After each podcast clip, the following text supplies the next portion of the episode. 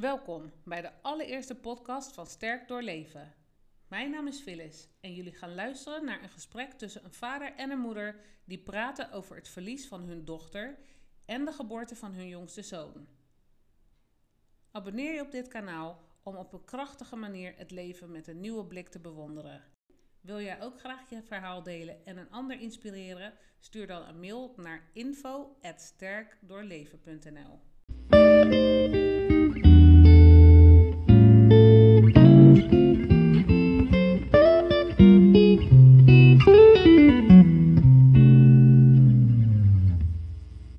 Maries, welke ingrijpende gebeurtenis heeft jouw kijk op het leven compleet veranderd? Ja, dat is toch uh, het, het, het, verlies van onze dochter geweest.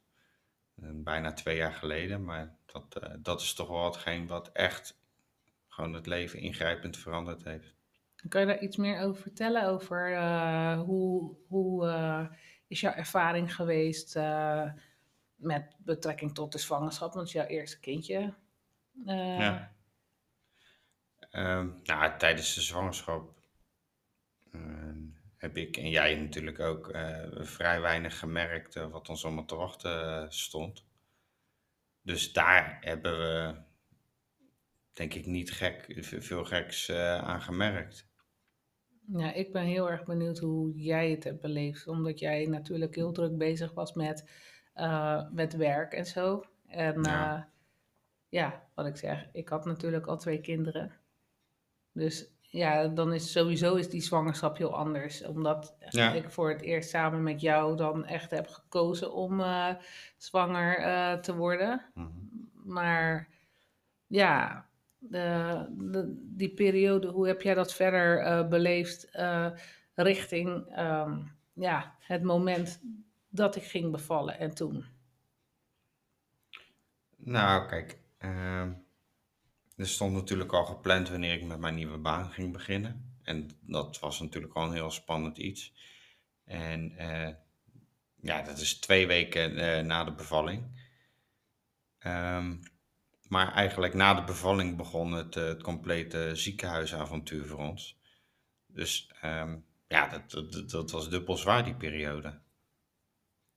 Toen hadden we ook nog het huis ineens uh, verkocht. Ja, dat was, dan, dat, dat was dan iets later, richting december. Maar goed, dat kwam er natuurlijk ook nog bij. Maar je moet je voorstellen, uh, ik, uh, ik begin met een nieuwe baan, waar ik uh, volledig mijn focus op moet leggen. En eigenlijk ben je er met je hoofd niet bij. Want je dochter ligt in het ziekenhuis. En um, er wordt toch enigszins van jou verwacht dat je wel gaat presteren. Uh, nu heb ik de, uh, het, het, positieve eraan, als we het zo moeten bekijken, is dat mijn vader daar al tig jaar werkt. Dus uh, is het voor mij ook wat, wat makkelijker. Ik kende die mensen natuurlijk al. En mijn leidinggevende, die, die had en heeft nog steeds ook een, een dochter waar die heel veel mee in het ziekenhuis aanwezig is. Dus um, het begrip was er meer, als ik het zo moet verwoorden. Um, maar was dat... Je bent namelijk in de tussentijd, heb je nog een andere baan gekregen. Dus ik denk dat je het nu hebt over bij, uh, um, bij uh, hoe heet dat? Zika. Nee, je was nog niet naar Zika. Oké, okay, nou dan heb ik me vergist. Maar, uh, maar goed, in ieder geval, dat is ook niet echt per se relevant. Ik ben gewoon heel erg benieuwd hoe um, heel, die, heel die periode voor jou is geweest, hoe je dat hebt opgelost, hoe wij eigenlijk als, um, als uh, uh, ouders nader tot elkaar zijn gekomen in plaats van uit elkaar. Want dat hoor je ook heel vaak, dat 75% ja. uit elkaar gaat. Hoe, wat hebben wij anders gedaan om uh, uiteindelijk gewoon uh, dit samen door te komen? Nou, ik denk dat wij sowieso al uh, daarvoor al heel bijzonder met elkaar omgingen. Dus eigenlijk ook niet standaard zijn als de andere mensen. Dus ehm, dat zal er ook heel erg bij geholpen hebben. Wat bedoel je daarmee? Nou, het, het, het, het, het organische, hoe wij met elkaar omgaan, dat hebben andere mensen misschien niet. Waardoor ze toch ook anders met elkaar omgaan en daardoor eerder uit elkaar gaan. Dat, dat is wat zou kunnen. Mm, oké. En ehm, nou ja, toen waren we dus in het ziekenhuis. Alles ging eigenlijk zo wat mis, uh, wat er mis kon gaan. Misdiagnoses gehad. En ehm, heel veel, ehm, eigenlijk was er ook helemaal niet echt veel zorg voor mij. Jij kwam ook in het ziekenhuis uh, voor mij zorgen. Want ik had natuurlijk de baby uitgeperst en uh, de baby ging zich ineens raar gedragen. Toen werd ik ontslagen en toen werden we met spoed overgebracht naar het andere ziekenhuis. En dan mocht ik daar op een stretcher gaan slapen en ik kreeg dus geen ontbijt. Ik mocht dus uh, bij een nieuwe baan uh, vandaan, of eerst voordat je naar je werk ging, even ontbijt bij mij langs brengen. Even bij Evie kijken en dan weer aan het werk enzovoort enzovoort. Ja, klopt. Klopt.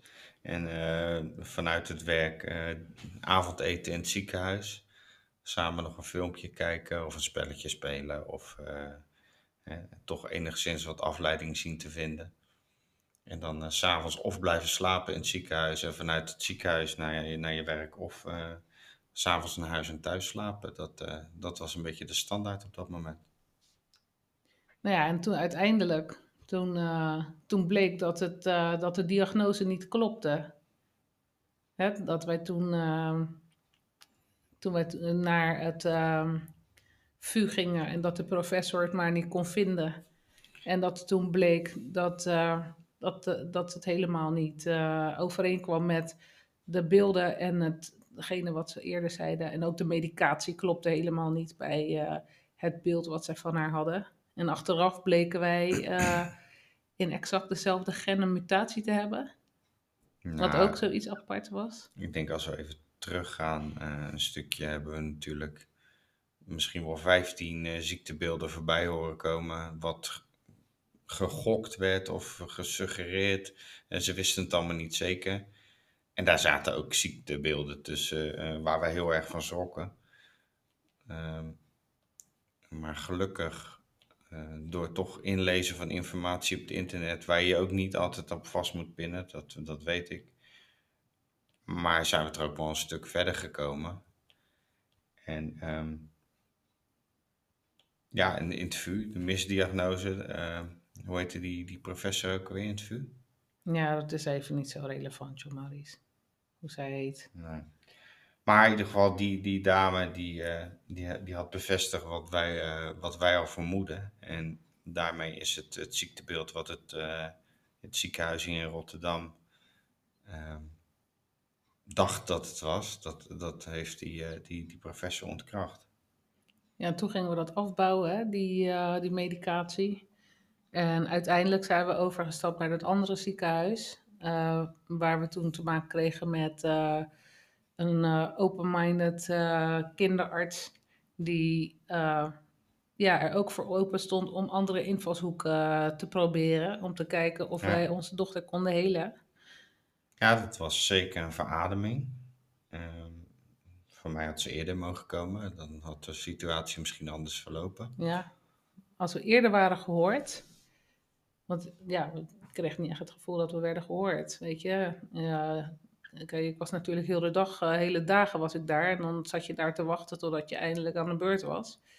Maar dan kwam jij weer uh, vanaf je werk. En dan had je ook nog wat uh, andere dingen opgezocht. En nou ja, uiteindelijk hadden wij het wel aan het juiste eind. Want toen kwamen ineens die medische remissies. Dus al die medische wonders, mhm. wonderen. Hè? Ja. Want als wij niet goed hadden opgelet, dan had ze ook nog eens een keer een stoma erbij gekregen, die uiteindelijk niet nodig bleek te zijn. Ah. Weet je nog, toen we, daar, uh, ja, toen we dat zagen op de echo, die zogenaamde neurogene blaas die ze dan had, die heel die gekartelde blaaswand, die trabeculé, die was plotseling weer helemaal glad. En dat viel allemaal samen met die antibiotica die ze niet meer kreeg. En dus ook geen buikkrampen meer had. En daardoor dus ook goed uitplaste. En heel de blaaswand was weer helemaal glad. Dus toen was de uroloog ineens verdwenen. Ja, en ik denk ook de, de, de Keppra, de anti-epilepticum, die zo de, de eerste maandjes van haar leven uh, eh, heeft gekregen, dat zou ook niet meegewerkt hebben. Achteraf bleek dat zwaar onnodig. Maar ehm, dat heeft er wel in geresulteerd dat zij eh, de eerste maanden van haar leven als een, eh, als een, als een kastplantje, als het ware, in haar bedje lag. Ja, als een zombie. Helemaal stoned. Ja. Drugged out gewoon door die, eh, door die troep. Ja, en toen waren we dus met die, eh, met die voeding bezig gegaan met Colinda erbij, de orthomoleculaire arts. En de homeopaat. En dan gemonitord door de reguliere arts, kinderarts. En ja, toen ging het eigenlijk juist goed. Maar tot die, eh, ja, eigenlijk achteraf, als je dan die, eh, die foto's kijkt en zo, dan zie je er wel aftakelen. Maar dat zie je op dat moment helemaal niet. Ja. Nou, we hebben natuurlijk achter elkaar ups en downs bij haar gehad. Waardoor je op een gegeven moment ook. eh, en dan werd ze weer een stuk sterker, dan weer wat zwakker, dan weer sterker, dan weer zwakker. Dus op het moment zie je dan dat ze weer een beetje naar beneden gaat. Maar achteraf gezien was dat toch wel richting het einde. Ja, wat dan helemaal heftig was, dat jij, dat wij, eh, dat ik toen nog zwanger bleek, of weer zwanger bleek, van haar broertje. Ja, we zagen eh, twee streepjes op de test, ik weet het nog goed. En eh, we gingen voor de eerste echo naar het ziekenhuis. En dat was vijf dagen voordat eh, zij eh, vertrok. En eh, bij de eerste echo zat ze nog op mijn knie en heeft ze het, het hartje nog zien kloppen van haar broertje. Ja, en die ochtend was ook heel raar. Van eh, die vijf dagen later, toen we bij je ouders zouden gaan eten, eigenlijk waren we aan het twijfelen. Ik had niet zoveel zin eigenlijk om ergens heen te gaan. Mhm. En toen kreeg ik allemaal eh, muziekjes en filmpjes. En zij zat op schoot. En het had allemaal achteraf gezien te maken met afscheid nemen enzovoort. En eh, de dood en de kijk op de dood. En waren hele best wel, eh, ja, best wel aparte filmpjes eigenlijk. Eh, maar ja, ik vertaal het als symboliek. Weet je, dit was al een aankondiging of zo. Ja, ik, ik weet nog dat ze de laatste dagen, dat er vrijwel geen ontlasting meer uitkwam. Dat was ook een teken, maar dat, eh, dat, dat zagen wij op dat moment niet. En dat Ja. wij eigenlijk nog met, eh, met olijfolie eh, geprobeerd hebben om alles op gang te krijgen bij haar. Ja. En toen, En toen kwam alles er in één keer uit, maar ja, het, het, het, het, achteraf gezien was het allemaal te laat. Ja. Ja, en toen die bewuste avond hè, dat we bij je ouders gingen eten. Jij stond die pasta te maken. Of je had die pasta gemaakt. Zij had net bij mij op schoot eh, een beetje zitten eten. Die eh, zoete aardappel en kabeljauwfilet hadden we nog eh, een beetje op, afgestemd met Colinda wat ze zou eten. Ja? Ja. En omdat de zonde er eigenlijk uit zou gaan. Hè, zo goed ging het eigenlijk met haar. Mhm. Maar doordat ze die, haar mondje nooit had gebruikt, wist ze niet zo goed hoe ze met die tanden om moest gaan. Dus toen beet ze heel de tijd op de lip en had ze een grote afte aan de lip. Dus we wilden haar die, ehm, ja, zo, zo min mogelijk de associatie, de associatie laten maken met eh, pijn en eten gewoon oraal. Dus eh, we hadden dus die combinatie tussen eh, toch nog zonde voeding en normaal eten. Ja. Ja, en nou ja, op zich was er helemaal niks aan de hand eigenlijk. En ineens liet ze een boer heel hard. Ja. Dat wij allemaal nog eh, grapjes erover gingen maken en gingen lachen van zo, hallo. Maar dat was het moment dat dat stukje vis omhoog was geschoten. En eh, in haar ja, eigenlijk verkeerd eh, weer terug in de keel kwam. Ja. En zij kon dat niet omhoog hoesten. Klopt. Ja, en toen, toen sloeg de paniek in. want We zagen haar blauw aanlopen. Eh, ik weet nog dat jij haar op de, op de bank hebt gesmeten. Nou, gesmeten. Ja, maar in ieder geval een, een paniekreactie. Hè? Je, je snapt wat ik bedoel. Ehm, en dat ik in paniek 112 heb gebeld. eh, dat mijn moeder eh, met de vingers in haar oren op de trap ging zitten. Die, die voelde het ook al aankomen, denk ik. En ehm, ja, ik instructies van de, van de medewerker van 112 kreeg wat we moesten doen. Maar ja, dat, dat dat is moeilijk op zo'n moment. Ehm, toen hoorde ik eigenlijk al sirenes aankomen en toen stapten er een aantal agenten naar binnen. Uh, eigenlijk opvolgend uh, twee à drie ambulances, uh, twee brandweerwagens. Ik weet nog dat er in een mum van tijd ineens een stuk of 15 brandweermannen binnen stonden. Vier ambulancebroeders, zes agenten. de veiligheidsregio kwam aanscheuren en ja, tien minuten later stonden er ineens twee medewerkers van de traumaheli in de woonkamer. En ehm, ja, dat is wel bizar. Op zo'n moment. Uh, ik weet nog goed, ik. Uh, ja. Zo'n moment is in de film dat je even geen geluid meer hoort en je ziet alleen alles bewegen, weet je wel. En uh, dan zie je die reanimatiebewegingen op die tafel en allemaal apparatuur om je heen. En gek genoeg heb je dan toch nog het vertrouwen dat die, dat die mensen jouw kind gaan redden. Ja, dat was echt bizar, dat moment. Terwijl ik het moment eigenlijk heb gezien dat, dat ze uit de ogen ging. Ik zag haar, eh, ik had er natuurlijk vast op een gegeven moment. Oh ja, dat ene moment uh, dat die agenten binnenkwamen, ben ik even vergeten dat die vrouw helemaal in paniek raakte. En dat ik juist een soort kalmte over me heen kreeg. En uh, ik die agent haar hand beetpakte en tegen haar zei van... nee, het heeft ook geen, het heeft geen zin als jij in paniek raakt. Dus doe maar rustig, rustig ademen, mm -hmm. want daar heeft niemand wat aan. En toen op een gegeven moment nou, had ik dus de agenten gekalmeerd. En in toen kwam die, kwamen die mensen van die traumahelikopter, die hadden haar op de tafel gelegd. Hebben ze haar um, truitje hebben ze opengeknipt. Ik heb in de tussentijd nog Angelique opgebeld, uh, de, de, kinderarts. Van San Franciscus. En ik had uh, Colinda ook uh, gesproken van wat, wat er was gebeurd. Ja, was ook in paniek eigenlijk.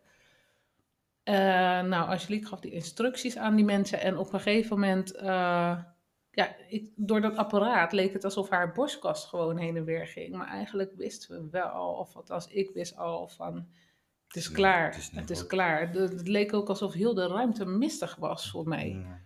Ja, en toen kwam de vraag van die arts: uh, Ik ga jou een, eh, een vraag stellen. Moeten we er hier een einde aan maken of zullen we dat in het ziekenhuis doen? Ja, en dan denk je natuurlijk: Wat zeg je nou? Dus hij zei: Oké, ik ga de vraag nog een keer aan je stellen. Uh, gaan we er hier een eind aan maken of in het ziekenhuis? Nou, toen hebben wij er uh, beginnend met huilen voor gekozen om, uh, om dat toch maar in, uh, thuis te doen. Dat wil je ook niet in, in een ziekenhuis. En toen kregen we het antwoord: oké, dan gaan we nu alles stopzetten en ga maar zitten in de bank. Dan leggen we haar zo meteen in jullie armen. En dan zal het een paar seconden duren. En ik weet nog goed dat wij samen zaten. En dat je als een soort, ja, hoe moet ik het omschrijven? Je, je, je ziet haar gewoon verdwijnen. Je hebt op een gegeven moment een, een, een kokon in een dekentje liggen en zij zit er niet meer in. Ja, je voelt er ook echt letterlijk van uh, warm naar koud worden. Ja. Dat voel je echt. Maar wat, wel, wat ik wel weer uh, geruststellend vond op dat moment, is dat je haar uh, rust op haar gezicht zag krijgen.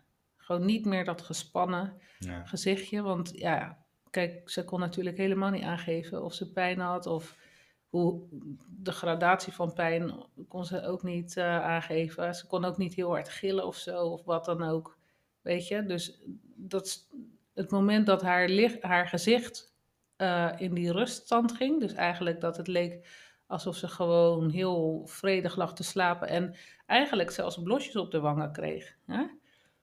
Ja, dat uh, heeft mij eigenlijk wel gerustgesteld op dat moment. Uh, ja. En ja, daarna gaat het hele andere circus beginnen. Want het was ook nog eens een keer één dag voor Akira's verjaardag. Dus onze ja. andere zoon. Ja, zeker.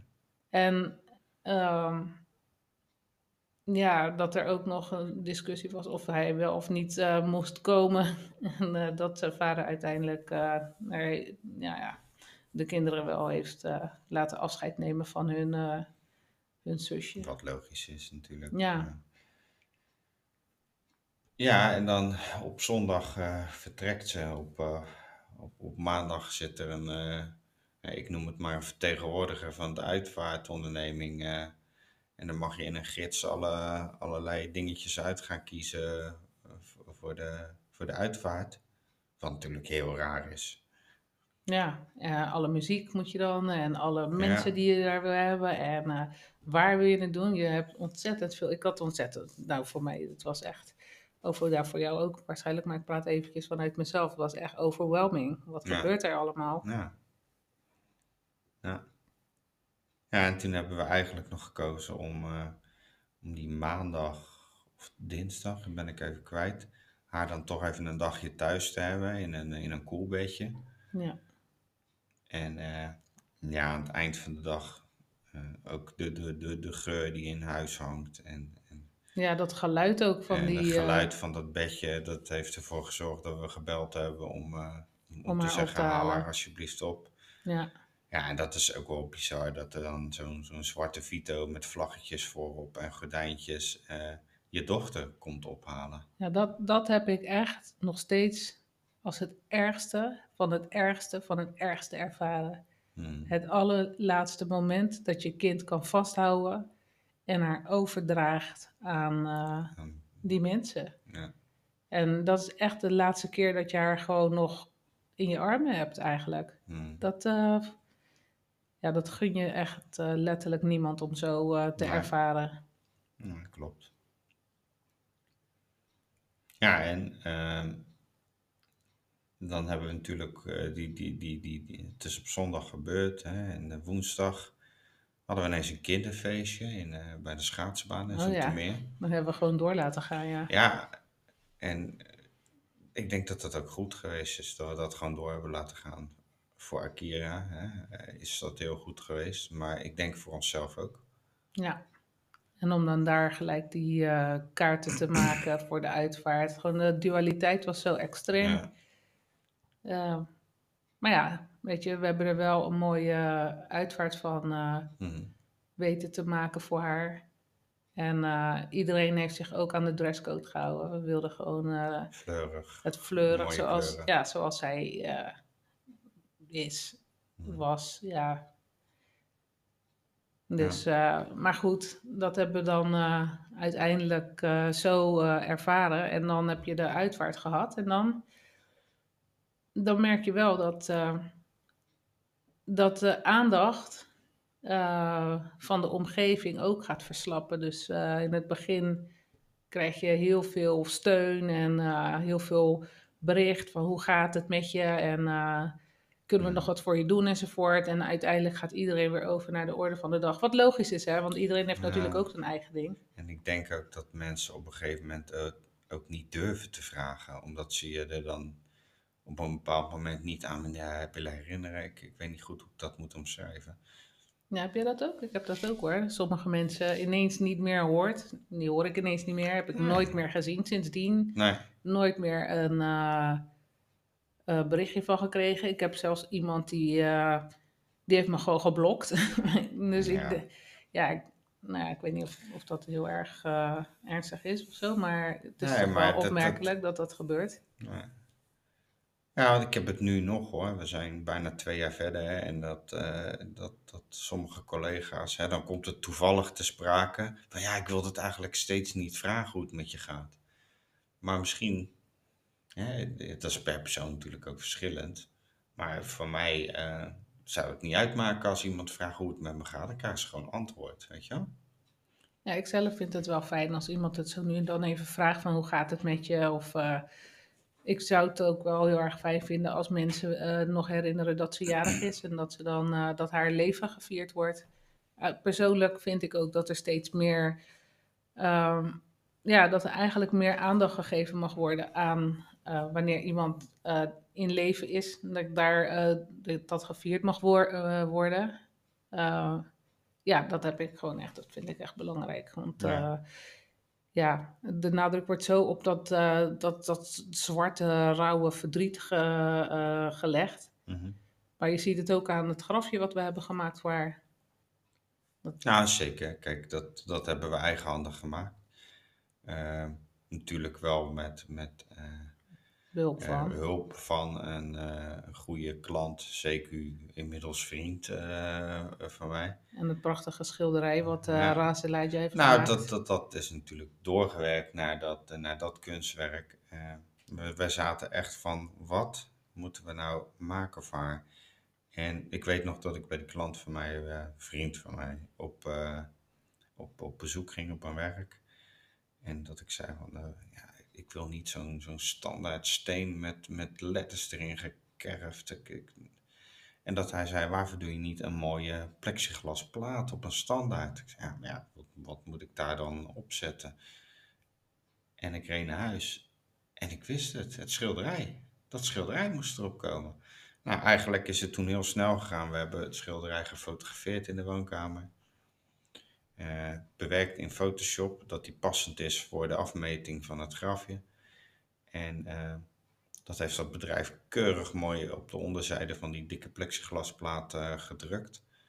Ja, en met, met, met, met onze eigen handen hebben we gewoon haar grafje kunnen maken. Eén is dat voor de verwerking heel erg goed geweest.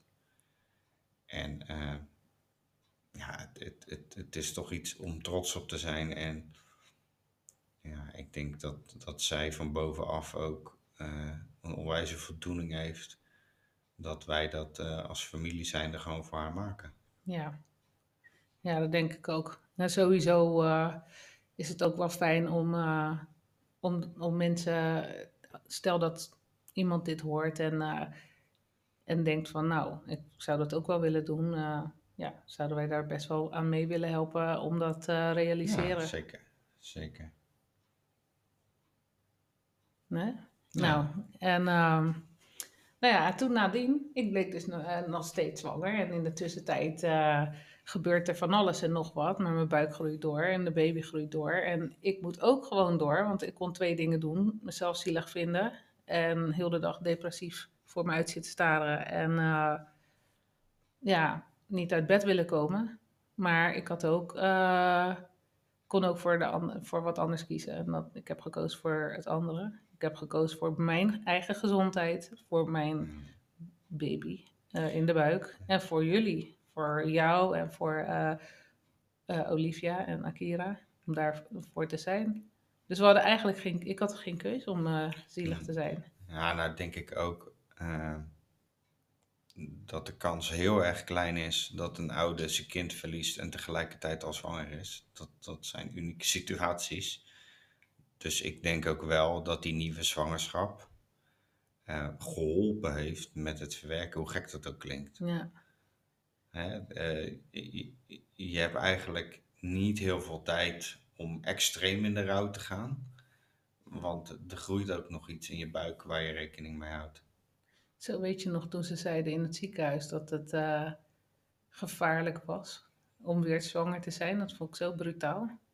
Dat ze zeiden van, eh, van ja, eh, ja, jullie hebben in exact dezelfde gen een mutatie. En de kans dat het nog een keer gebeurt, dat is zo groot. Dat deden ze eigenlijk net alsof Evie is overleden aan DNA. Terwijl, nou ja, nu achteraf, nu we heel veel meer weten van DNA en genetica, heeft dat helemaal geen klap te maken met waaraan zij is overleden. Zij is overleden aan de symptomen die zich.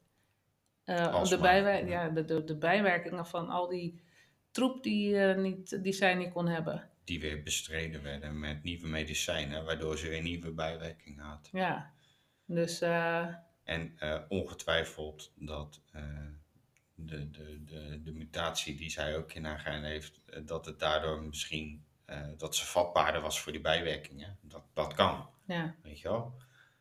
Alleen, zo werd er niet gekeken. nee.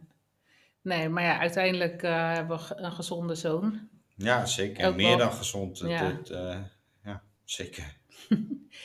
Ja, het is, ik vind het wel tof dat hij, eh, dat hij zich zo ontwikkelt en dat hij eigenlijk super sterk is.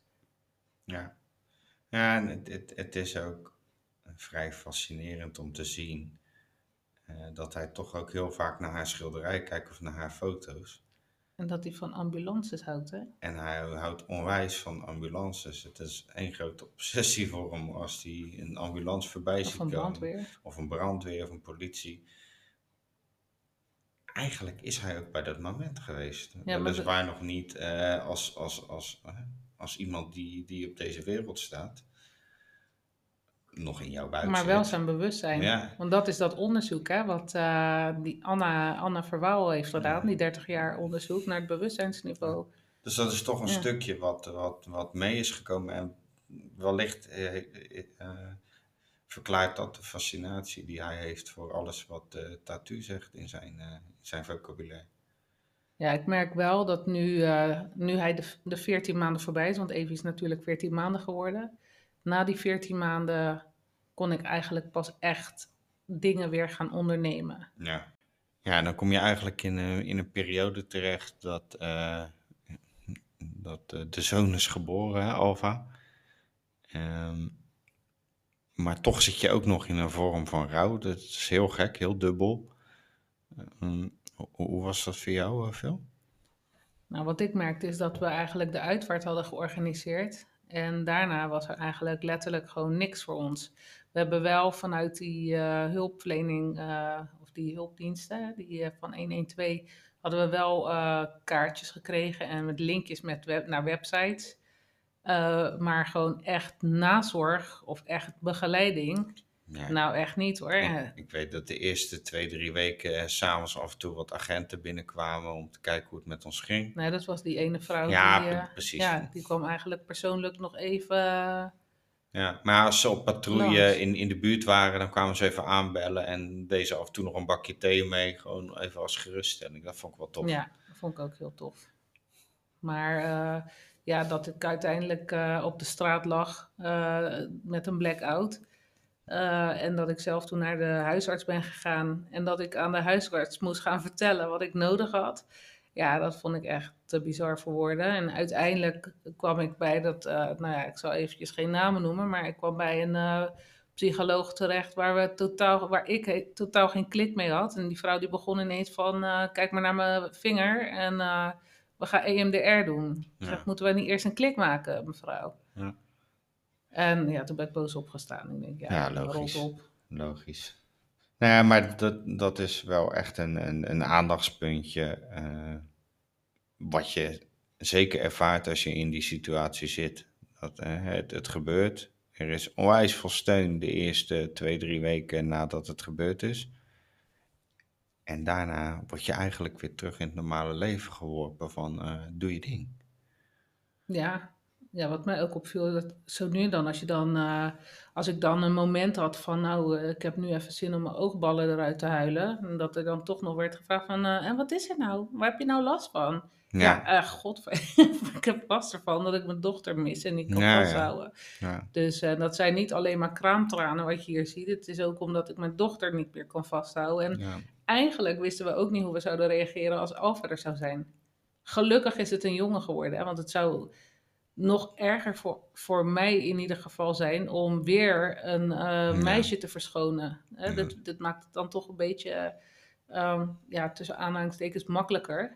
Ja, en bizar genoeg is het een jongen, maar lijkt hij onwijs veel op haar. Ja, Soms zelfs tegen het enge aan. ja tweeling. Ja, Lijkt wel een verlaten tweeling of zo. ja, ja, ja, ja. Dus eh, dat vind ik ook wel apart. Maar ja, gelukkig hebben we zelf eh, heel veel eh, eh, gedaan om eh, onszelf en de kinderen eh, te helen.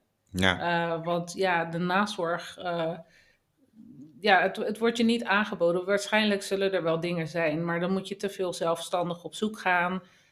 Waar kan ik wat vinden? En dan heb je het ook nog ineens gehad over de kosten. Want als je dan toevallig iets vindt en dan vragen ze makkelijk 1200 euro om, om jou een beetje op te lappen. Ja. Dus ja, dat vind ik, vind ik eh, belachelijk. Ja, is het En dat kan gewoon heel anders. Weet je, we hebben zelf uiteindelijk eh, heel veel leuke dingetjes eh, ondernomen. Ik dan met die Wim Hof training, dat ik nog die ademhalingstechnieken ben gaan doen. Nou, dat heeft mij zelf ook heel ver ja, geholpen in het proces van het aangaan van angsten enzovoort. En ja, veel lezen. En creatief bezig zijn, schrijven, heeft voor mij geholpen. Een stukje kickboksen, weer even oppakken, agressie daaruit of uh, kracht voor jou. Maga voor ja, jou misschien. Ja, ja zeker. Uh, ja, dat, dat, dat zijn uitlaatkleppen. Maar ik, ik denk dat je van eh, het, het, het, het tot rust komen met bepaalde activiteiten en je, je agressie kwijt kunnen in de sportschool, dat je daar toch een balans in moet zien te vinden om het toch een plekje te geven. Want er zijn heel veel mensen die denken dat ze het een plekje hebben gegeven, maar dan is het nog niet zo. Ik vind dat wel een dingetje. Als je zegt een plekje geven. Ja, maar je snapt wat ik, plek. nee, maar je snapt wat ik bedoel. Hè? Ja. Dat, dat, in- hè? dat wordt wel eens zo verwoord dat je iets een plekje geeft. Je, je- Ja. snapt wat ik daarmee bedoel. Ja. ja Kijk, ik- eh, een simpel voorbeeld, dat, dat zeg ik ook altijd als voorbeeld.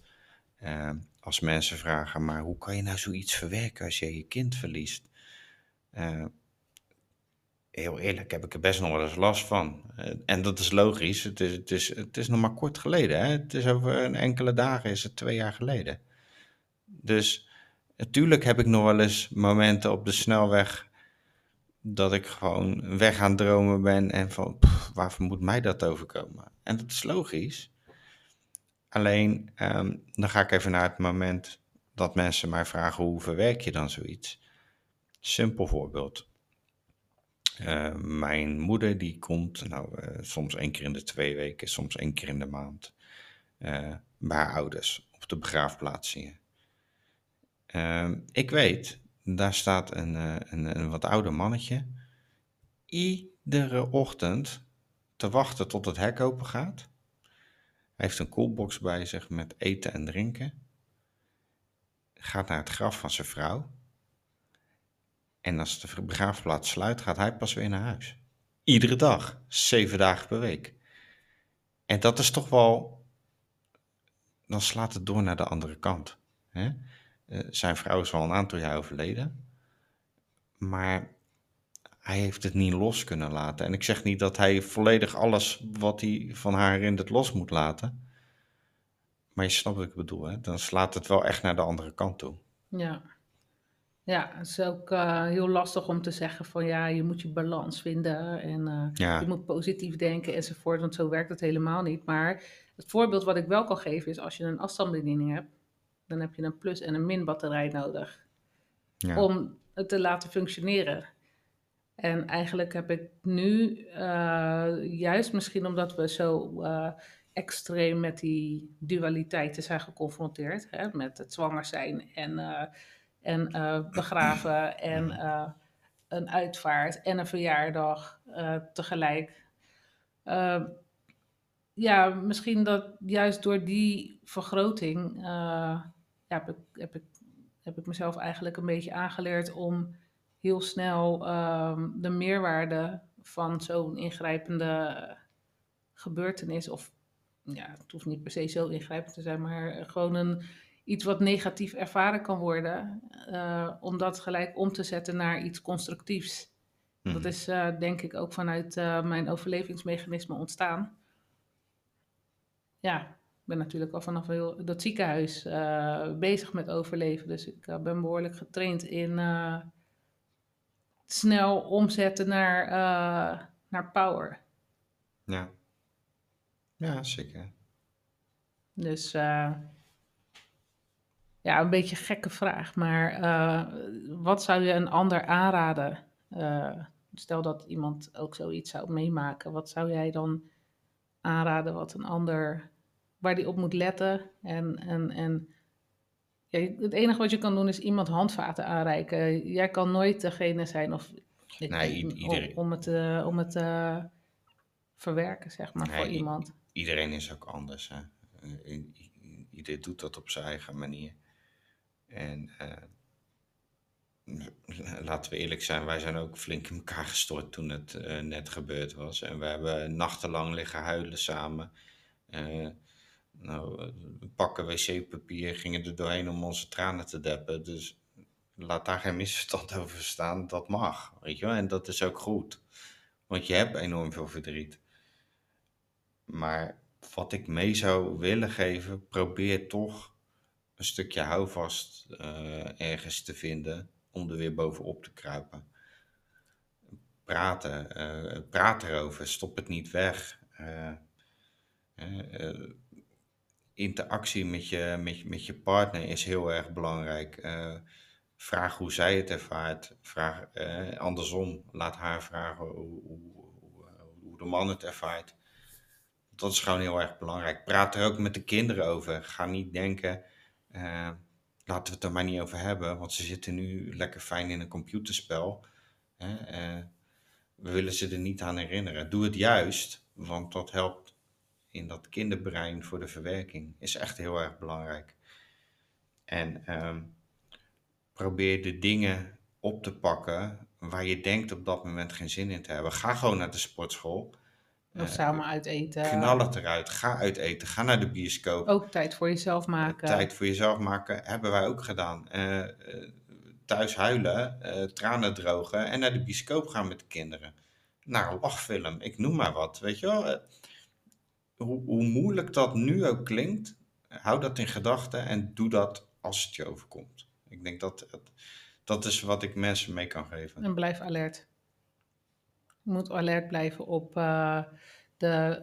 Um, ja, op een gegeven moment ga je ook leren dat er ook uh, signalen of symboliek. Ja, daar ben ik dan weer meer van. Maar de, dat je ook symboliek kan ervaren door bijvoorbeeld ineens een liedje te horen. Die jou doet herinneren aan een bepaald moment of zo. Of die ja, misschien doet denken aan aan uh, hoe je verder zou moeten of zo. Ja. Weet je, maar ja, weet je, huilen mag uh, is ook een, vorm van kracht, uiting. Ja, zeker. Hè, je, het is de macht van tranen. En, en, dat mag altijd, hè? Dat mag nu ook nog. Op een moment dat jij denkt van, je denkt aan iets moois van haar terug en het maakt je emotioneel. Laat het gaan. Ja. Weet je, dat mag. Ja. Het, het, Waarom zou dat niet mogen? Nee, maar je bent niet van steen. Weet je wel? Ja.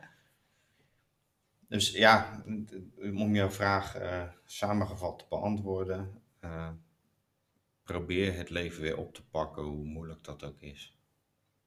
Ja. Ja, dus dat. En uh, ik vind sowieso dat, fijn dat we met elkaar het er zo over hebben gehad. Ja. Hè? Dat gaan we vaker doen. Zeker. Ook met andere mensen. Oké, okay. nou, dankjewel. Ja, jij ook bedankt.